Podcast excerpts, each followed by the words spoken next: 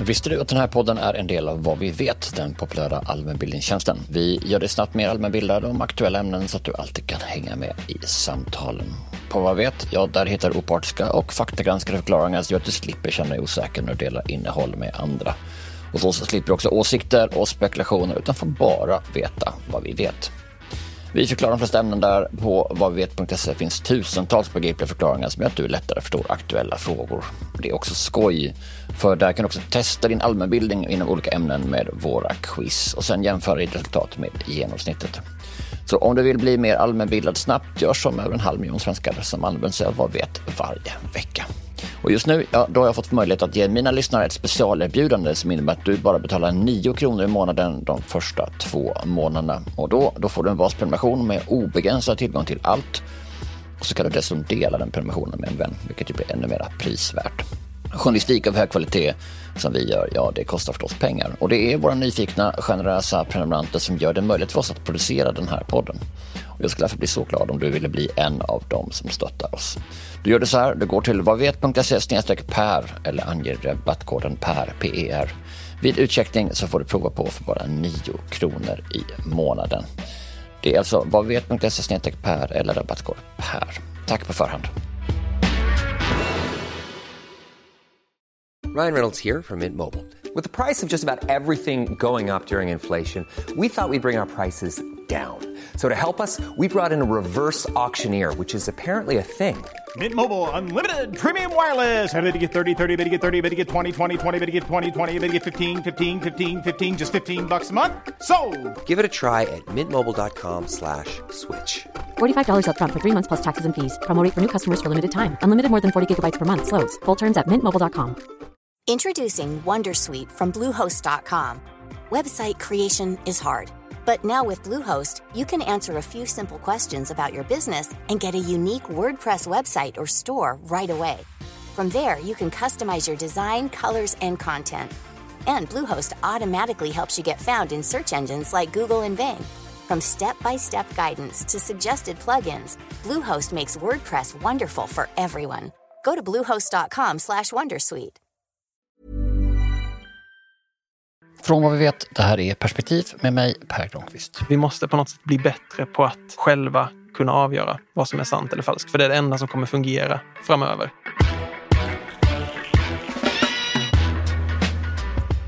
I Internetstiftelsens rapport som man låtit göra inför valet 2022 så finner man resultatet av en stor undersökning där man bland annat försökt undersöka svenskarnas inställning till desinformation. Och stiftelsen skriver att mer än hälften känner stor oro för att desinformation kommer att användas för att påverka valutgången under hösten 2022. Men det är också intressant att läsa att unga väljare är mindre oroade än gamla för nätpåverkan från utländska stater eller myndigheter. Och av hela svenska folket så anser närmare 6 av 10 att sociala medieplattformar borde få ta bort politiska inlägg som de bedömer innehåller desinformation. Så vad är egentligen desinformation? Och hur skiljer det sig från missinformation, propaganda eller bara vanlig gammal reklam? Jonathan Lundberg har svaret. Ja, eller svaren kanske man ska säga eftersom vi pratar om ett område där många av de populära begreppen faktiskt saknar någon tydlig definierad grund. Han har skrivit två genomarbetade och uppmärksammade böcker. 2019 kom hans debut Sverigevänner där han undersökte hur Sverigedemokraternas sympatisörer organiserar sig inför på nätet inför valet 2018. Och tre år senare, 2021, så vidgade han perspektivet och anlade ett, en, en bred horisont. Tog han sig an det här med hur falsk information sprids idag och hur det sprids genom historien i den boken som då heter Från världskrig till nätkrig. Till vardags är han journalist och har bland skrivit en utmärkt förklaring på vad vi vet om hur man kollar äktheten hos bilder och videos. Och det här sökandet efter att förstå vad som är falskt och vad som är sant går igenom som en röd tråd i det han gjort. Och den här drivkraften hörde också i det samtal vi hade, där vi bland annat diskuterade i vilken utsträckning vi journalister kan bidra till desinformationsspridning, både som individer och kollektiv, när vi fokuserar lite för mycket på identiteten som sanningssökare och kanske lite för lite på hantverket och att faktiskt då göra jobbet att söka sanningen. Innan vi börjar, om du inte redan prenumererar på podden, passa på att göra det nu för att inte missa kommande avsnitt. Som alltid så når du mig på perspektiv vadvivet.se. Då är det dags för Jonathan Lundberg. Låt oss prata om missinformation och disinformation, om vi börjar där. Skillnaderna. Missinformation är felaktigheter som sprids utan onda avsikter. Vi kan alla göra oss skyldiga till det. Vi säger någonting som helt enkelt inte stämmer, men vi tror att det stämmer. Och så blir vi oavsiktligt spridare av missinformation. Desinformation däremot handlar om att man gör det med avsikt. Man vet att det här stämmer inte, men jag säger det ändå för att jag vill lura dig i en eller annan riktning. Det kan man säga är den grundläggande skillnaden. Missinformation och desinformation. Mm. Vad skiljer det här från liksom bara lögner? Det är egentligen eh, lögner, åtminstone när man pratar om desinformation. För i begreppet lögn så finns ju också en avsikt. Du har ljugit till mig. Medan missinformation då kanske snarare kan handla om någon sorts missuppfattning eller Mm. bara en kunskapsbrist. Och information då? Är det då helt neutralt? Ja, det är väl någon sorts neutralt begrepp. Baksidestext på makaroner och information Ja. från Socialstyrelsen. Kan vara både rätt eller fel. För vi antar ju i det här att all information på något sätt alltid är neutral och god. Och, och så blir det missinformation att vi har missuppfattat något, det kan man fatta. Alltså desinformation att vi har vridit till någonting. Neutral i alla fall. Eh, alltså man, man har väl en neutral inställning till information i övrigt tills man på något sätt kan ta ställning till den. Och man kan också skilja på information och kunskap. Där man kan säga att sociala medier är flöden av information. Men sen måste det på något sätt omvandlas till kunskap där man kan avgöra liksom vad, vad är fakta i detta. Och det är en mycket längre process där sociala medier mer de här snabba flödena. Och reklam då? Det är ju någon sorts eh, propaganda snarare. Mm. Man försöker påverka publiken. Sen kan det, det, det som sägs vara sant eller falskt, men avsikten är just att påverka. För man säger det att det är min information och fiendens som propaganda. Mm. Vi ägnar oss ju aldrig åt propaganda i Sverige utan vi har ju bara saklig information. Och det intalar ju alla Just det. länder sig. Liksom. Vi har ju en, en, en underrättelsetjänst och de har spioner. Och det finns någon sorts eh, maktpyramid där också. Att det är väldigt sällan som de med makt i samhället eller politiker eller medier anklagas för att sprida missinformation eller desinformation, utan de begreppen använder man till personer som saknar makt, alltså an- användare i sociala medier, att nu sprider du missinformation. Men om Expressen missuppfattat någonting och publicerar någonting fel säger man inte ni har spridit miss, missinformation, utan oj, här råkade det bli fel. Så det handlar också om att man på något sätt hur välvilligt inställd man är till avsändaren. Och det där tycker jag är lite farligt. Vi måste vara försiktiga när vi använder de här orden, så det är just tydligt definierade begrepp som vi använder oss av konsekvent. För annars blir det lätt sådär att vi stämplar missinformation och desinformation på sånt som vi ogillar. Men om det är någonting vi tycker om och så råkar det ändå bli fel så säger vi hoppsan. Hur ska vi definiera missinformation och desinformation? Finns det tydliga akademiska ramar för detta? Delvis så finns det det.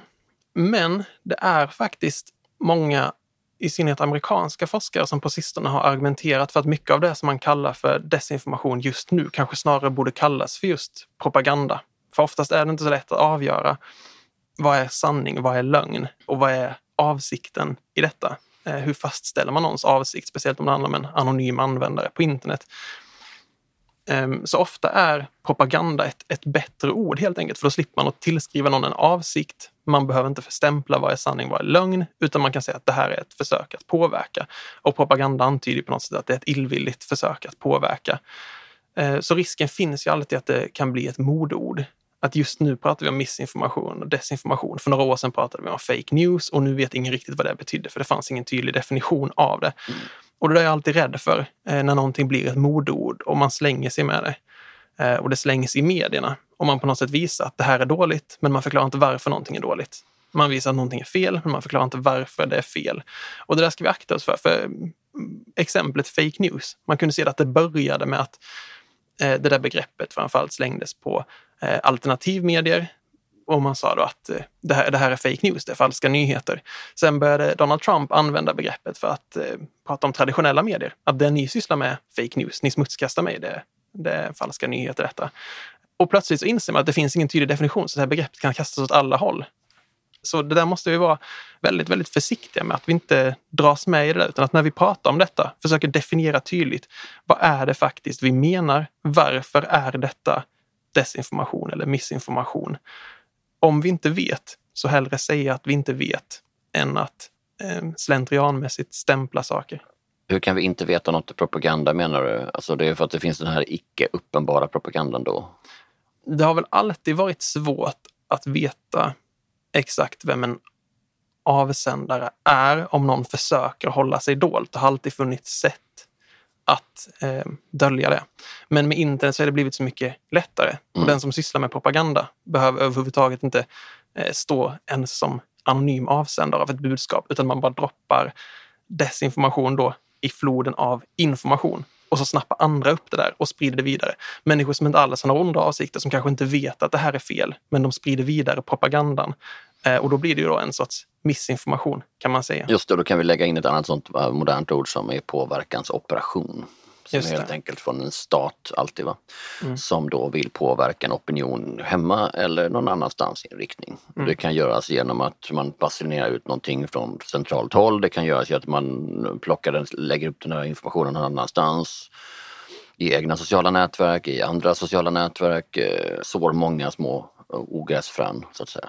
Och tillsammans blir det då en sån påverkansoperation. Just det. Det är intressant med åsikterna där och uh, uppsåtet. Um, amerikanska medier som är duktiga på källkritik och är noga med objektiviteten i liksom vad de skriver så tog det ganska lång tid innan New York Times hade en rubrik som var Donald Trump ljuger.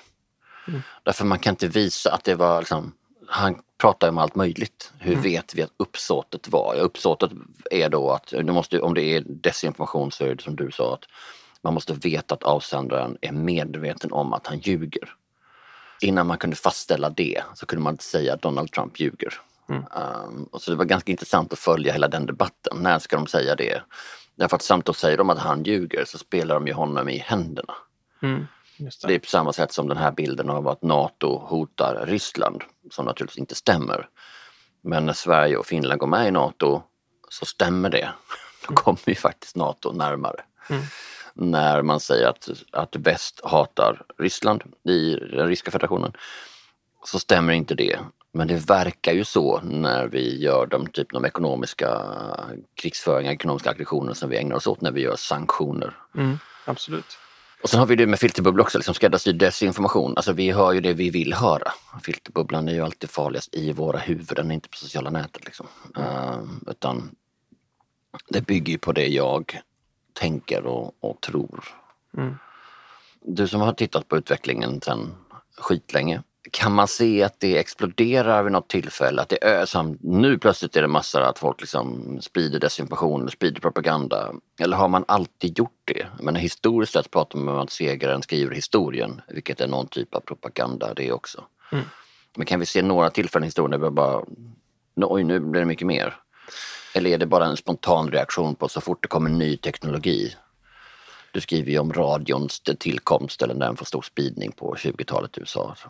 Ja men precis, det är nog, nog både och. Men också när, när samhället är gungning på olika sätt. Man kan säga i vår samtid så är det tydligt att sedan 2016 så har någonting dramatiskt hänt. Egentligen sedan 2014, eh, annekteringen av Krim. Men vi kan se vid 2016, presidentvalet i USA, att sociala medier användes på ett helt annat sätt än förut. Just om man ska prata om flöden av missinformation och desinformation.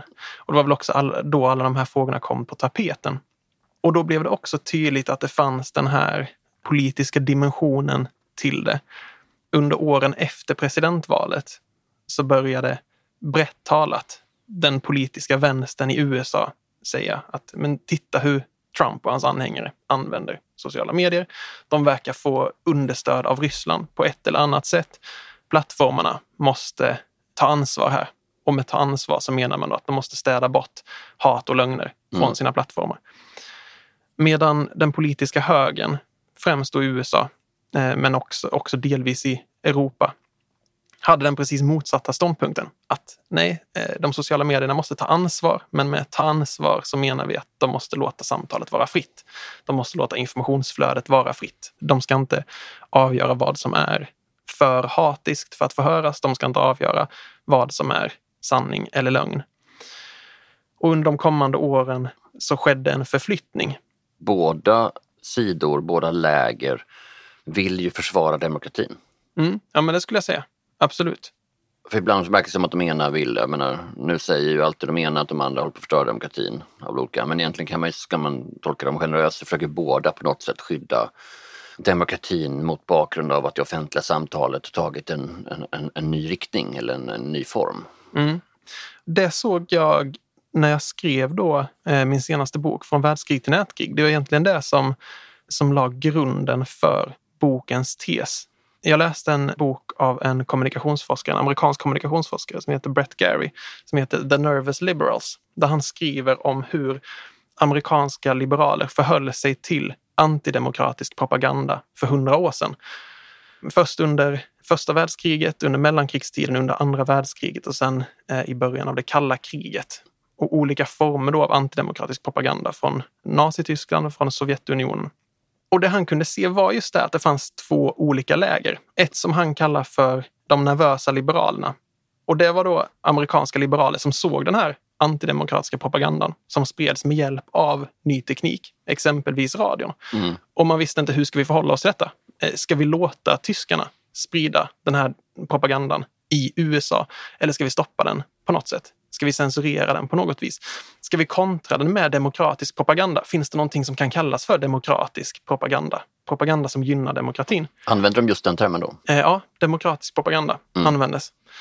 Eh, för allting det här var någonting ganska nytt. USA var på något sätt pionjärer i den massmediala propagandan under första världskriget och byggde upp en väldigt avancerad propagandaapparat som tyskarna sen under mellankrigstiden och andra världskriget eh, drog lärdom av när de byggde upp sin egen propagandamaskin.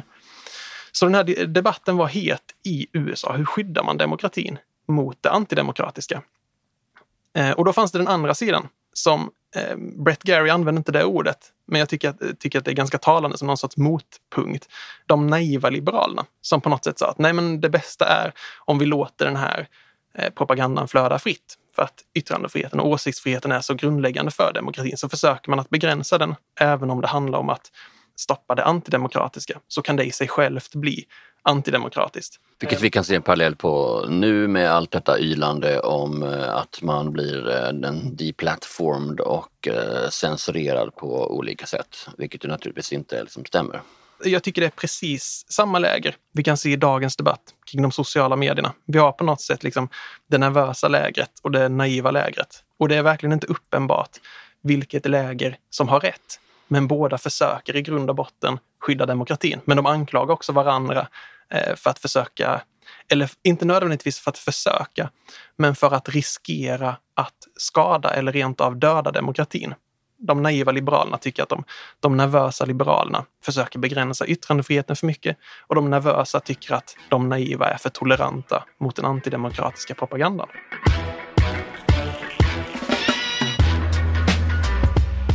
Jag vet att du skrivit om en, en eh, radiopastor som fick mycket stort inflytande. Det var ju en våg av eh, nazistsympatier får man väl helt enkelt säga. Antisemitiska mm. yttringar på olika håll och kanter. Det är det som leder till att man fyller Madison Square Garden med 20 000 nazister eller nazistsympatisörer. Och eh, det var strax innan krigsutbrottet gissningsvis. Ja, det här var en, en amerikansk präst vid namn Charles Coughlin. Han var väl en av de första eh, riktigt stora ra radiostjärnorna och han har också kallats för hatradions fader. Han födde på det viset en, en, en, en tradition i USA som har fortsatt in i våra dagar, just med det som kallas för hatradio. Men i början av 30-talet så hände någonting för att hans sändningar var ofta av en religiös karaktär, men de blev mer och mer politiska. Mm. Och efter att Hitler hade tagit makten i Tyskland så började han uttrycka nazistsympatier och han började eh, kritiserar den amerikanska demokratin hårt och menar att USA borde gå i Tysklands fotspår. I början av 30-talet hade han uppåt 30 miljoner lyssnare varje vecka. Alltså väldigt, väldigt många amerikaner som lyssnade på honom. Sen i takt med att han radikaliserades tappade han stora delar av sin publik. Men 1939, strax före krigsutbrottet, så hade han fortfarande mellan 3 till 4 miljoner lojala lyssnare. Och det är fortfarande väldigt många. Det är 10 mm. procent av vad han hade i början av 30-talet, men fortfarande väldigt, väldigt många. Mm. Och av dem uppger då en majoritet i opinionsmätningarna att de faktiskt håller med honom om hans åsikter. Så det här var ju en brännhet fråga i USA. Mm. Ska vi låta honom sända radio i yttrandefrihetens namn?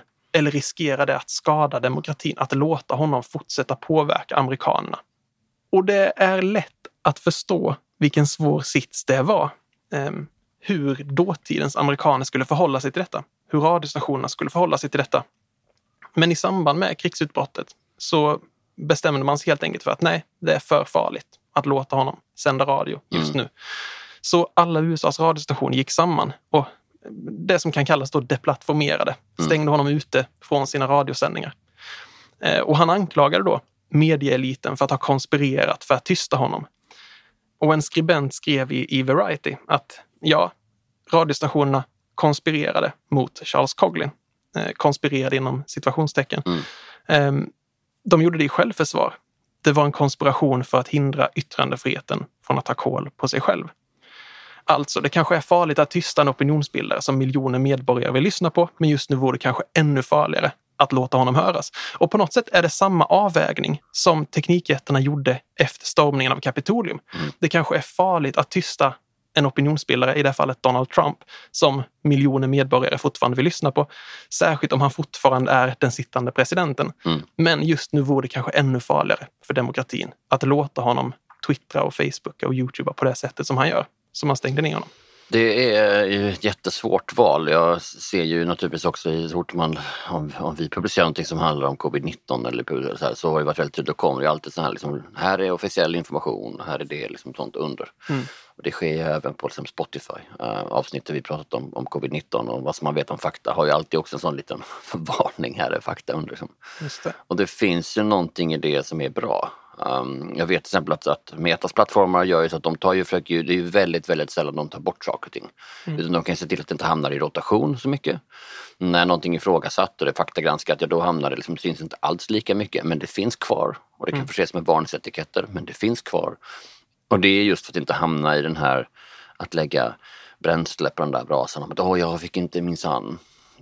Det i sin tur kan föda liksom, de här konspirationsteorierna som ju såklart finns om big tech och big media och big state och vad det nu kan vara för saker. Liksom. Och det finns också en sanning i den oron. För om man ser till techjättarnas incitament. Det är klart att eh, de anställda, det är klart att ledningen också vill skydda demokratin. Men att skydda demokratin är inte deras huvuduppdrag, utan det är att maximera vinsten för deras aktieägare. Vilket innebär att de är ganska sårbara för ekonomisk press. Och då pratar vi inte om användarna främst, utan användarna och deras data blir på något sätt en produkt. Mm. Kunderna är ju annonsörerna som ofta då är andra stora, främst amerikanska företag.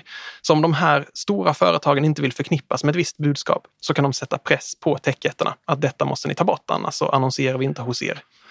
Och den andra typen av press är då den politiska pressen. Att politiker kan gå in och säga att ni måste börja moderera på det ena eller andra sättet, annars kommer vi försöka lagstifta för att tvinga er till det. Och de vill inte bli tvingade, så då väljer de att frivilligt moderera mm. istället. Så det finns den här politiska och ekonomiska pressen. Och när det är det som styr techjättarnas beslutsfattande, då riskerar vi att bygga ett system där det är just de mäktiga i samhället, de just nu mäktiga, som bestämmer vad de just nu maktlösa tillåts se och höra eller säga och skriva på nätet. Det är väldigt intressant med den här maktdimensionen du tar upp. Jag har inte tänkt på det alls på det sättet. Men det här finns ju definitivt, det, det där är ett, ett, ett raster som för mig i alla fall, jag tycker det gör det liksom tydligare jag tänker också på liksom vad som hände i samband med, med valet 2016 eh, när Trump kommer till makten. Vi har liksom det här Cambridge Analytica och hur man gör då, eftersom vi har gett så mycket information så kan man använda den informationen att, att skicka annonser. Det kan man faktiskt inte alls längre på samma sätt. Um, så det var en upprensning. Liksom, och den som vill höra mer om det kan lyssna på avsnitt 7 där jag pratade med Christopher Wiley som alltså var den här visselblåsaren som bidrog till att Guardian, New York Times och Channel 4 avslöjade Cambridge Analytica. Rätt spännande allmänt liksom. Men där man pratar om honom så kommer han tillbaka till det här, ja men vi ser ju vad vi vill se också. Det var, de hade system som kunde påverka och som inte då funkar längre. Men samtidigt, det är ännu farligare är ju att vi, ja, om vi tror att Hillary Clintons kampanjstav driver en pedofilring under en pizzeria i utkanten av Washington. Så det är det vi letar efter i bruset, det är de signalerna liksom vi tar in. Och det där är liksom alltid, är alltid svårt att avgöra. Jag tycker ibland vi lägger så mycket fokus på att vi kan prata om messinformation, desinformation eller propaganda. Och då är det någon annan. Och sen pratar vi om att techjättarna förstärker det. Men fortfarande tycker jag vi pratar för lite om att vi ju förstärker det. Vi är uppvuxna med massa skräpuppfattningar och liksom dåligt underbyggda idéer om ditt och datt. Verkligen. Jag har, har faktiskt någon sorts, alltså inom kompisgänget så har vi någon sorts eh, intern grej som har vuxit fram. Att om någon säger någonting som man vet att det här, det här är bara en uppfattning man har från, från barndomen. Exempelvis att eh, liksom, dra inte i den här mossan, det tar, det tar flera år för den att, att växa tillbaks. Så ska de andra liksom slentrianmässigt bara, är det verkligen så? Och så kollar vi upp det direkt. Och mm. ofta visar det sig att nej, det stämde faktiskt inte alls. Det kanske stämmer för några mosstyper, men mm. absolut inte för alla. Och så lär man sig någonting nytt. Men då inser man ganska snabbt hur mycket sådana där uppfattningar man går runt med. Man tror att någonting är fakta för att man har alltid trott det. Man hörde det från, någon, från någon, någon, alltså en av sina förskollärare för länge sedan eller någon av, av sina mellanstadielärare. Och sen har man bara gått genom livet och tänkt att ja men så är det för att det, mm. det har jag alltid vetat att det är så. Men det stämmer faktiskt inte. Och den andra dimensionen av det är ju såklart just våra sociala liv. Att vi sätter oss själva i någon sorts eh, i någon sorts filterbubblor från det att vi föds. Att vi söker oss till människor som är lika oss själva. Vi växer upp i områden som är ganska lika eh, oss själva. Ja, på något vis. Vi hamnar i skolor, människor som är ungefär lika. Vi söker oss till dem i klassen som är mest lika oss själva efter eh, gymnasiet söker vi oss till universitetet. Där är människor antagligen ännu mer lika oss själva. Vi söker oss till jobb där folk är mm. mer eller mindre identiska i det stora mm. hela. Så vi sätter oss själva i filterbubblor och det är ju det där vi måste börja med att motverka. Söka oss till människor som är annorlunda än oss själva. Mm. Annars hjälper det inte vad eh, de sociala medierna gör eller hur de förändrar algoritmerna för att vi vill i grund och botten inte träffa eller möta människor som är olika. Men det borde vi vilja, vi behöver göra det.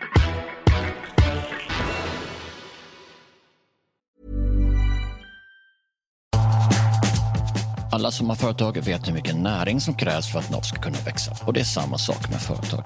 Kapital är den näring som behövs för att din firma ska kunna växa sig större.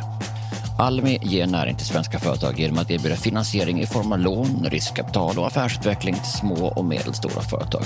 Och det är just kombinationen som är det viktiga, både pengar och råd. Och som gör att Almi skiljer sig från bankerna. Så om du behöver näring, hör av dig till Almi. De finns över hela Sverige och har kloka rådgivare nära dig som både förstår din bransch och din region. Gå in på almi.se ta steget för att läsa mer. Almi.se ta steget alltså.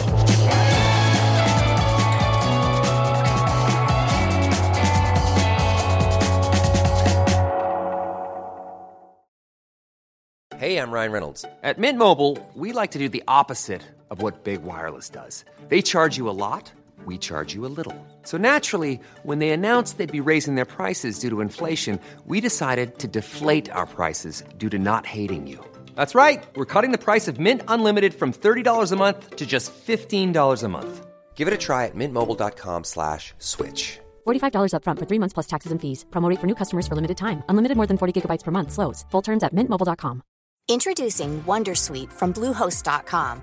Website creation is hard, but now with Bluehost, you can answer a few simple questions about your business and get a unique WordPress website or store right away. From there, you can customize your design, colors, and content. And Bluehost automatically helps you get found in search engines like Google and Bing.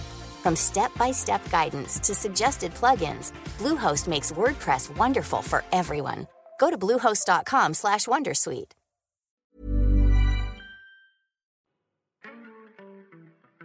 Det finns en del av det här som gör, det är också det som gör att vi kan bli de här nyttiga idioterna. Att man sår lite desinformation, liksom rent felaktiga uppgifter i syfte att påverka någon annan i den där strömmen. Och så någon som plockar upp den. Det är väl det här man kallar för the crazy uncle fenomena. Alltså det är alltid någon man, eller någon barndomsvän man kopplar ihop sig på, på Facebook och sen så bara söker man lite i deras flöde så har de bara jävligt svajiga, orimliga åsikter och tycker det ena här och där och minsann och da, da, da och sånt. Liksom. Mm. Det finns ju alltid någon som har lite för mycket tid och som sitter och delar massa information. Liksom. Det är så mm. svårt att veta hur vi ska liksom, komma åt det också. För det är då som vi kan få liksom, så här, MSB gör information om så här gäller. Så bara, det där är bara propaganda. Det är svårt att veta hur man ska liksom börja. Det är klart vi kan säga att ja, men MSB generellt sett sysslar inte med propaganda utan de informerar. Det ser vi för att texterna är jättetråkiga. Men det blir liksom svårt och när du väl är inne i den där alternativa världen som ju egentligen bara är ett alternativ till min värld. Vi måste komma ifrån det där alltså. Både känslan av och det faktiska att information kommer uppifrån. Vi måste på något sätt bli bättre på att själva kunna avgöra vad som är sant eller falskt. För det är det enda som kommer fungera framöver. Tidigare så hade man ändå på gott och på ont den strukturen att information kom till journalisterna eller journalisterna sökte upp information. Sen skrev de genomarbetade texter eller gjorde inslag eh, som sen gick vidare till publiken och då var det på något sätt faktagranskat. Nackdelen då att man var tvungen att lita på att den här journalisten har gjort ett bra jobb, men man fick ändå faktagranskade grejer. Eh, nu har vi ju inte det där utan all information flödar fritt rakt ner till publiken. På gott och på ont och att de bombarderas med information. De får inte den här faktagranskningen först. De kan själva gå till primärkällan och de kan själva avgöra vad som är sant eller falskt. Men då måste de också ha den viljan, eh, ambitionen, kunskapen att kunna göra det. Eh, och är det någonting jag har sett när jag har skrivit om konspirationsteorier jag brukar dra mig för att använda det begreppet för det är så svepande, men bara för att prata om det mer generellt. Är det någonting jag har sett då så är det att de ofta späs på eller rent av uppstår när en osannolik, spektakulär uppgift publiceras någonstans. Och sen snappar, eh, låt säga, tio människor upp den här uppgiften och skriver om det i sina egna flöden. Sen i nästa led så är det en person som hör detta från de här tio olika personerna och tänker att detta måste ju vara sant, för jag har hört det från tio olika håll. Men det kommer från samma källa från första början. Och det är där vi är som mest sårbara. Och det är där vi måste börja. Att vi kan inte lita på någonting för att många har sagt det, utan vi måste försöka hitta vad är källan till detta? Och hur trovärdig är den? Och där ska man också faktiskt säga att där är vi svenskar extra utsatta eftersom de flesta svenska medier inte faktagranskar allting utan bara faktagranskar sina stora gräv. Tittar du på stora medier till exempel i Storbritannien eller i USA, där faktagranskar ju allt. Där finns det ju en automatisk process för det som tyvärr inte de stora medierna har i Sverige eftersom paradoxalt nog vi har en väldigt bra grundlag här som gör att man inte kan stämma medier. Utomlands har du på en redaktion så hittar du en faktagranskare och de sitter intill jurister. Så det är ju en paradox att vi har skyddat media så mycket här för det är så viktigt för yttrandefriheten. Och sen samtidigt har utvecklingen gjort att vi inte har den där granskningen som vi kanske hade en gång i tiden. Och det gör det ännu svårare. Jag menar, går du till LA Times eller går du till The Guardian eller går du sånt så vet du att det sitter ett filter där mellan en journalist och så sitter en redaktör och så har du en faktagranskare och sen kanske till och med en jurist i vissa fall och sen så går det vidare. Och här kan det publiceras på något sätt mycket mer rakt ut. Och vi har två ytterligare aspekter av det. Dels då klickbetesjournalistiken som kanske var värst för några år sedan. Att man, det var mer intressant att få många klick än att nödvändigtvis ha de där mer komplexa faktagranskningarna. Eller mer Och det här är bara för att man tjänar ju pengar på bannerannonser. Så ju fler gånger man visar ju bättre blir det. Och det där tror jag är någonting som man har börjat komma ifrån. För man inser också att även om det är ju kortsiktig vinst så urholkar det förtroendet för medierna på lång sikt. Så det är dåligt för affärerna längre fram. Och det där man börjar ta hänsyn till. Så nu ägnar man sig inte åt klickbetsjournalistik på det sättet. Men det andra är ju då att vi journalister, allihop, det ligger nästan i vårt, i vårt DNA, vill vara först med grejer. Och där tror jag vi behöver en, en förändring inom branschen. Att det inte finns någon prestige i att vara först, utan det finns en prestige i att vara först med att ha rätt. Och är man först och det visar sig att man har fel, så är det där bara ett stort minus på kontot. Men det finns inga bra system för det att säga att man har fel. Alltså du ska ju trycka det i papperstidningen sen. Ja, men det behövs byggas in i eh, kulturen. Kulturen på arbetsplatserna. Och likadant det här. Men ser Den- du det hända? Jag hoppas det. Jag har också eh, vänner. De flesta mina, jag pluggade ekonomi nere i Lund, så de, flest, de flesta av mina vänner är antingen eh, journalister eller ekonomer. Och ekonomerna då är ändå väldigt medieintresserade. Och det är många av dem som har berättat. De, de, de hittar någonting i tidningen som faktiskt är fel. Det kan vara ett faktafel, det kan vara ett språkligt fel, vad som helst. Och så mejlar de eh, journalisten och de får nästan aldrig svar. Och jag vet att de är väldigt sakliga. De är väldigt nyanserade, de är lite lugna, de framför sin kritik på ett rimligt sätt. Det är inga näthatare, men de får inget svar. Och det där tror jag är livsfarligt för förtroendet i branschen. Att det blir verkligen som att journalisterna sätter sig själva på piedestal och får de kritik så skjuter de sig ifrån den istället för att svara. Ja, här blev det faktiskt fel. Eller jag tycker att du har fel för jag har tänkt så här. Alltså man gör det lätt för sig istället för att bemöta kritiken. Och det där spelar på något sätt näthatarna rakt i händerna. Mm. För då kan de på något sätt enas med de rimliga kritikerna och säga att journalister går inte att lita på. När vi egentligen borde ta kritikerna på största allvar och sen markera mot näthatarna att er tar vi inte på allvar för ni kan inte Men är det inte, på det för, är inte att vi som skrå tar varandra på fruktansvärt stort allvar också? När, när Donald Trump pratar om fake news och sådär liksom, så svarar eh, vi som kollektiv med att säga democracy dies in darkness, säger Åström på oss. Man bara för helvete! alltså tagga ner och gör ditt jobb. Kolla fakta och, och granska så att det stämmer är att göra sitt jobb. Det där är journalistik, det är hantverket. Vad de som inte gör det ägnar sig åt kan jag inte svara på. Men man måste kolla allt. Journalister är inte viktiga överhuvudtaget menar jag. Journalistik är viktigt och journalistik kräver ett visst hantverk. Vi pratar ofta om det som att, att förtroendet för medier har aldrig varit lägre det är ett problem för demokratin. Tänk om det är så att vi har det förtroende vi förtjänar. Ja, men jag tycker någon sorts symbol för allt det här eh, vi har pratat om eh, nu det här sista är eh, Chang Frick som är chefredaktör för den här sajten, eh, nyhetssajten eh, Nyheter idag. Jag gjorde ett stort reportage om honom i min första bok, eh, Sverigevänner, som handlade om hur Sverigedemokraterna byggt upp sin nätrörelse. Och Chang Frick i kort eh, startade den här sajten Nyheter idag tillsammans med Sverigedemokraten Kent Ekeroth.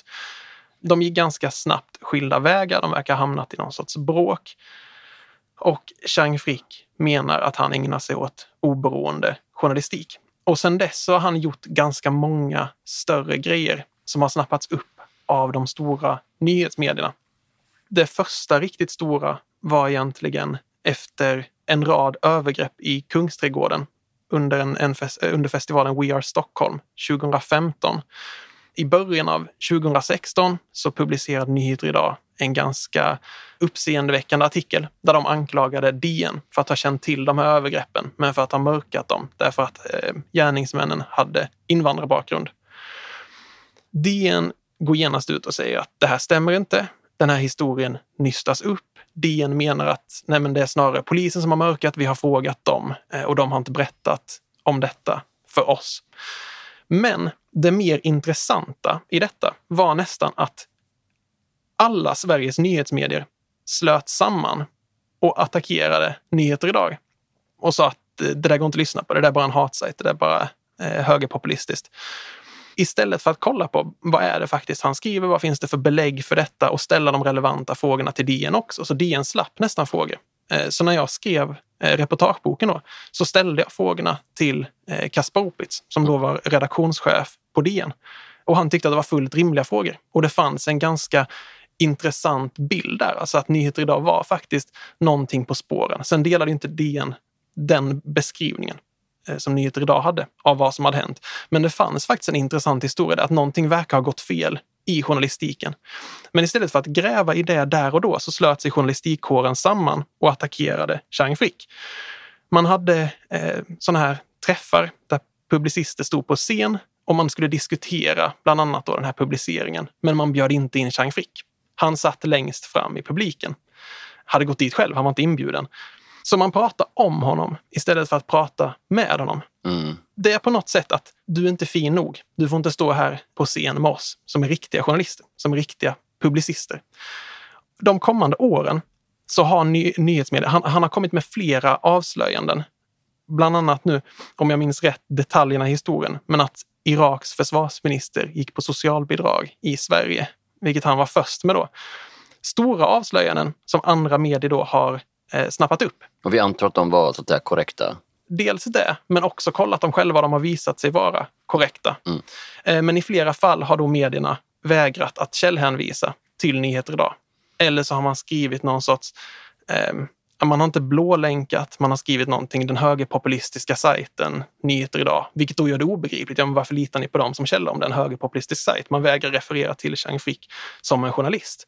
Och det blir på något sätt så löjligt. Han nekades också inträde i Publicistklubben Men det är uppenbart att han ägnar sig åt journalistiskt arbete. Det är uppenbart att han är publicist. Men man vill inte släppa in honom i den här värmen. Vi lägger så stort värde i ordet journalist. Du får inte kalla dig journalist. Du är inte en av oss.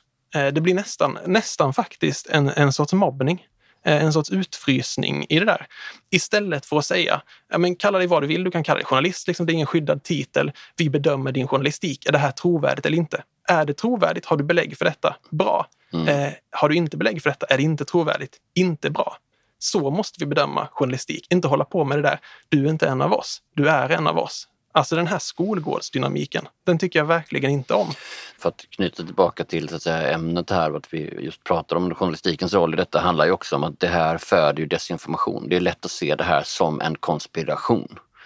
Uh, konspiration kräver att man sätter sig ner och uh, bestämmer att nu ska vi utesluta den här jäveln. Det finns väl ingenting som tyder på att det har skett.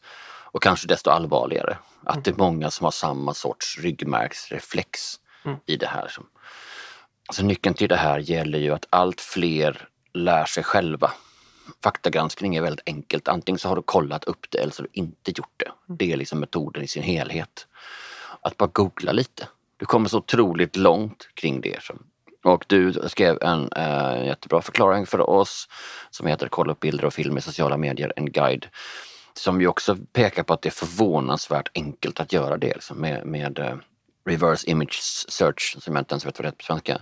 Omvänd bildsökning är nog det bästa. Omvänd bildsökning, tack. Och som visar hur man kan plocka fram geodata, hur man kan göra så här saker. Liksom. Vi länkar till den i, i anteckningen här. Liksom. Det här är ju ett, ett, ett, svårt ämne men jag tycker ändå vi har som, försökt ringa in det att det kanske är det bästa att bara återgå till att prata om propaganda på olika håll och kanter. Mm. Um, och att förstå i det att vi också själva ägnar oss åt propaganda som nation, som organisationer och att ibland kallar vi det för reklam. Mm. Det finns något trösterikt tycker jag, jag tänker att alla ägnar sig åt propaganda. Jag menar öppna ditt som instaflöde, vad är det om inte liksom personlig propaganda i någon mån? Mm. Håller du med om det? Ja, jag håller verkligen med om det. Och det är rimligt ur allas perspektiv. Alltså om en stat sysslar med information så kanske man hellre lyfter fram information som är till statens fördel och man lyfter kanske inte fram information som är till statens nackdel. Och på det sättet så tycker jag att typ som den här nya Myndigheten för psykologiskt försvar. Det kan vara bra att den finns, det kan vara bra arbetet den gör. Men det är den typen av myndigheter som eh, man behöver hålla ögonen på. För att historiskt sett så har den typen av myndigheter lätt kunnat glida över. Speciellt i tider av kris eller krig. Eh, att gå från att avslöja andras desinformation till att bli en propaganda eller censurmyndighet. Den där glidningen kan ske över tid. Det kan ske utan att det är särskilt uppseendeväckande, men det är någonting att hålla ögonen på. Jag gjorde ett reportage om den här nya myndigheten nu i januari när den då instiftades åt Biblioteksbladet. Tidigare ska vi säga att det här var en del av MSB. Ja, mm. precis. Mm. Eh, så den flyttades då över eh, samma personal som hade jobbat på MSB flyttades över till den här nya myndigheten som ska eh, skydda Sverige mot desinformation då. Och de ska samarbeta med techjättarna för att göra detta. Och de säger också då att vi ska, vi ska informera techjättarna när desinformation sprids och så får de välja om de ska plocka ner det eller inte. Men det är ett ganska litet steg från att informera till att sätta press på. Alltså om Eh, myndigheten, där staten sätter press på techjättarna att det här borde ni ta bort. Och då riskerar man att hamna i en situation där staten tillsammans med techjättarna bestämmer vad är tillräckligt lögnaktigt, vad är desinformation och att det ska tas bort eller man ska stoppa spridningen av det i sociala medier. Och det där kan vara farligt. Vi såg en liknande sak inför presidentvalet 2020. Först och främst så verkar det ha varit så enligt Mark Zuckerberg, han sa att de amerikanska myndigheterna hade varnat techjättarna att eh, inför valet kan det dyka upp eh, desinformation av olika slag. Det kan dyka upp hack and leak-attacker, alltså att någon hackar fram mejl och sen läcker dem och kanske har manipulerat mejlen då. Om ni tror att det sprids på era plattformar ska ni vara extra försiktiga. Ni ska ta det säkra före det osäkra. Stoppa hellre spridningen av det än att inte göra det. Några veckor före valet, jag tror det var två veckor före valet, så publicerar New York Post en artikel deras journalister har kommit över en mejlväxling som verkar visa att Joe Biden, hans son Hunter Biden, har ägnat sig åt korruption i Ukraina. Det är oklart vad eh, varifrån mejlen kommer. De gör väldigt drastiska tolkningar av innehållet i mejlen. Det är ganska vaga formuleringar, men de drar den här drastiska slutsatsen att det här är ett bevis för den här korruptionen. Så det finns definitivt gott om utrymme för kritik av den här artikeln. Men det som Facebook och Twitter gör är att de blockerar den. De stoppar spridningen av den. Det går inte att sprida den här journalistiken vidare innan den har faktagranskats. Och där blir det ett problem. Alltså ska techjättarna kort före ett val med misstanke om att detta kan vara desinformation stoppa spridningen av inhemsk journalistik? Istället för att andra journalister granskar detta, vad finns det för belägg för detta? Ha en öppen och fri debatt om det. Mm. Och efter valet så hade man den här diskussionen, redan innan valet egentligen, om att det här var ett dumt beslut av techjättarna. Så här skulle de inte ha gjort.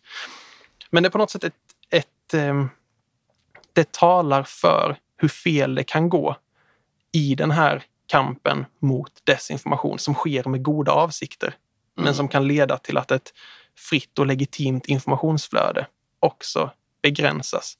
Och det där kan vara farligt för demokratin. Det riskerar till och med att skada demokratin mer än vad det skyddar den. Så när jag gjorde det här reportaget så ställde jag frågor om detta till eh, ansvariga då på Myndigheten för psykologiskt försvar. Och de menar då att ja, men vi, kommer, vi kommer aldrig sätta press på techjättarna på det sättet. Men det finns egentligen inget hinder för det mer än att vi kommer inte göra det. Så därför tror jag att det är den typen av myndighet som kan vara bra för demokratin, men vi behöver också hålla ögonen på den som journalister. Mm. Var går på något sätt gränserna för det här uppdraget?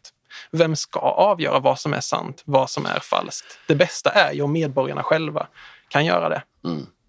Det är väl så också man säger om, om liksom media, om man får kritik, eller vet i alla fall är, är vår hållning, om man säger hur ska jag veta om jag kan lita på er? säger vi alltid genom att kolla upp det.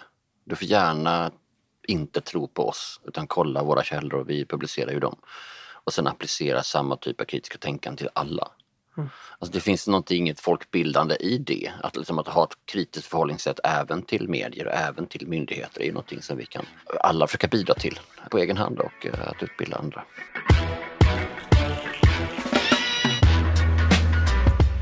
Avslutningsvis undrar jag, precis som vi alltid gör i den här podden, uh, tre böcker som inspirerat eller påverkat dig?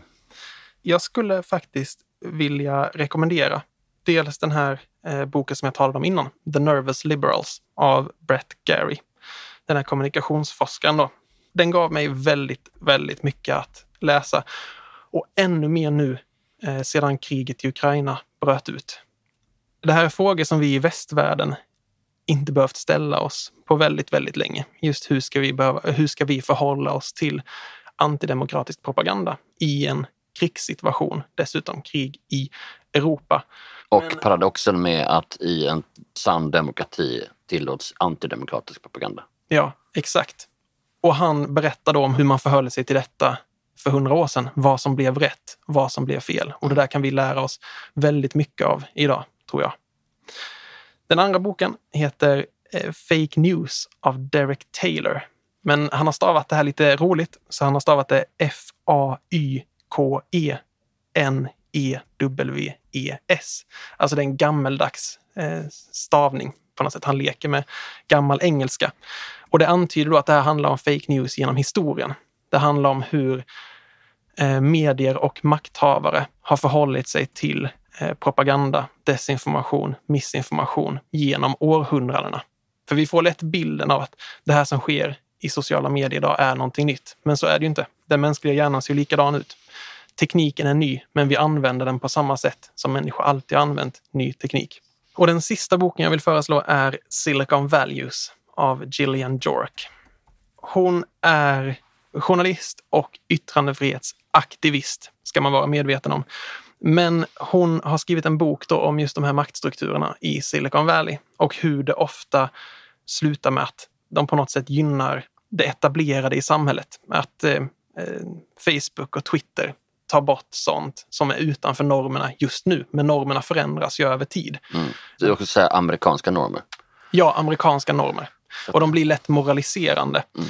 Eh, vilket gör att antietablissemangsrörelser, både till höger och vänster, eh, som går utanför det normala just nu, ofta drabbas hårdare. De eh, deras inlägg tas bort, deras konton blockeras i sociala medier. Och att allt detta dessutom görs med en, en klangbotten av, eh, med de bästa intentioner.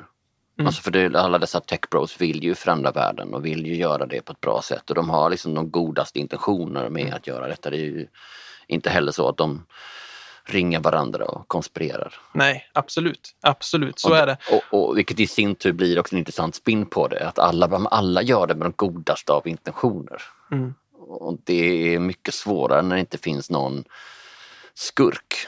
Och hon är väldigt eh, skicklig när det kommer till detta. Att det blir, hon ägnar sig inte åt några svepande argument eller generaliseringar utan hon går på djupet och kollar hur, hur ser de här maktstrukturerna ut?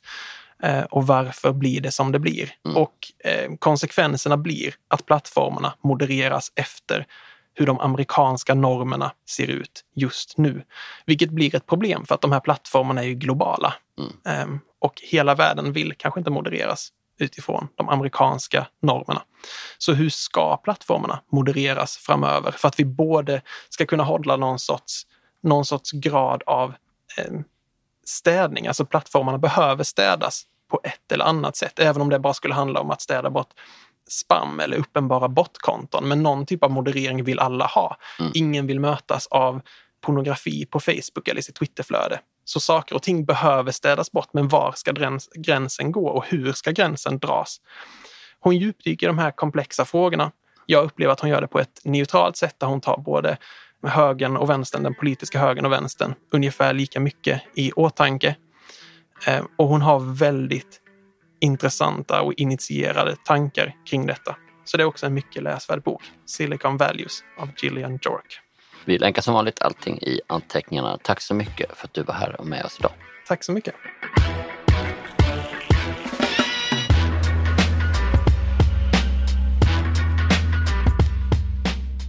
Den du hörde där var Jonathan Lundberg, journalist och författare, bland annat i boken Från världskrig till nätkrig. Vem tror du skulle uppskatta att höra just det här avsnittet? Dela-knappen i appen finns där för att du ska just dela det här i sociala kanaler eller messa eller mejla folk. Och delar i sociala så använd då gärna hashtag perspektivpodden när du delar. Hashtag perspektivpodden. Lyssnar du på den här podden via Apple Podcast eller Acast eller Spotify får gärna ge oss fem stjärnor betyg också. Det hjälper nämligen alla andra att upptäcka vad du just hört. Eller inte alla andra, men några i alla fall att upptäcka vad du just hört. Och när du är Pillar-appen, passa då på att prenumerera om du inte redan gör det, så missar du inte nästa avsnitt som kommer ge dig ännu fler perspektiv på ett aktuellt ämne. Producent idag var Jens Back, mixning stod Spraydog Studios för och jag, jag heter Per Granqvist. Nästa gång ger vi dig nya kunskaper om något helt annat. Vi hörs då.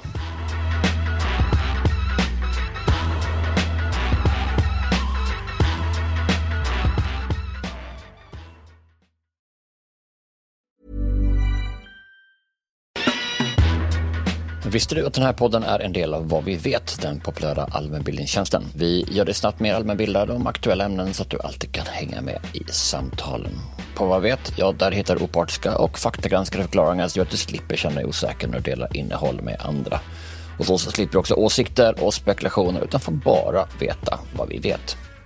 Vi förklarar de flesta ämnen där. På vadvivet.se finns tusentals begripliga förklaringar som gör att du lättare förstår aktuella frågor. Det är också skoj, för där kan du också testa din allmänbildning inom olika ämnen med våra quiz och sen jämföra ditt resultat med genomsnittet. Så om du vill bli mer allmänbildad snabbt, gör som över en halv miljon svenskar som använder sig av Vad vet varje vecka. Och just nu, ja, då har jag fått möjlighet att ge mina lyssnare ett specialerbjudande som innebär att du bara betalar 9 kronor i månaden de första två månaderna. Och då, då får du en basprenumeration med obegränsad tillgång till allt. Och så kan du dessutom dela den prenumerationen med en vän, vilket ju blir ännu mer prisvärt. Journalistik av hög kvalitet som vi gör, ja det kostar förstås pengar. Och det är våra nyfikna, generösa prenumeranter som gör det möjligt för oss att producera den här podden. Och jag skulle därför bli så glad om du ville bli en av dem som stöttar oss. Du gör det så här, du går till vadvet.se per eller anger rabattkoden PER, PER. Vid utcheckning så får du prova på för bara 9 kronor i månaden. Det är alltså vadvet.se per eller rabattkod PER. Tack på förhand. Tired of ads barging into your favorite news podcasts? Good news. Ad-free listening is available on Amazon Music for all the music plus top podcasts included with your Prime membership. Stay up to date on everything newsworthy by downloading the Amazon Music app for free or go to amazon.com slash news ad free. That's amazon.com slash news ad free to catch up on the latest episodes without the ads. As humans, we're naturally driven by the search for better. But when it comes to hiring, the best way to search for a candidate isn't to search at all. Don't search, match with Indeed. When I was looking to hire someone, it was so slow and overwhelming. I wish I had used Indeed. If you need to hire, you need Indeed. Indeed is your matching and hiring platform with over 350 million global monthly visitors, according to Indeed data, and a matching engine that helps you find quality candidates fast. Ditch the busy work. Use Indeed for scheduling, screening, and messaging so you can connect with candidates faster. And Indeed doesn't just help you hire faster. 93% of employers agree Indeed delivers the highest quality matches compared to other job sites, according to a recent Indeed survey. And listeners of this show will get a $75 sponsored job credit to get your jobs more visibility at Indeed.com slash podcast. That's Indeed.com slash podcast. Terms and conditions apply.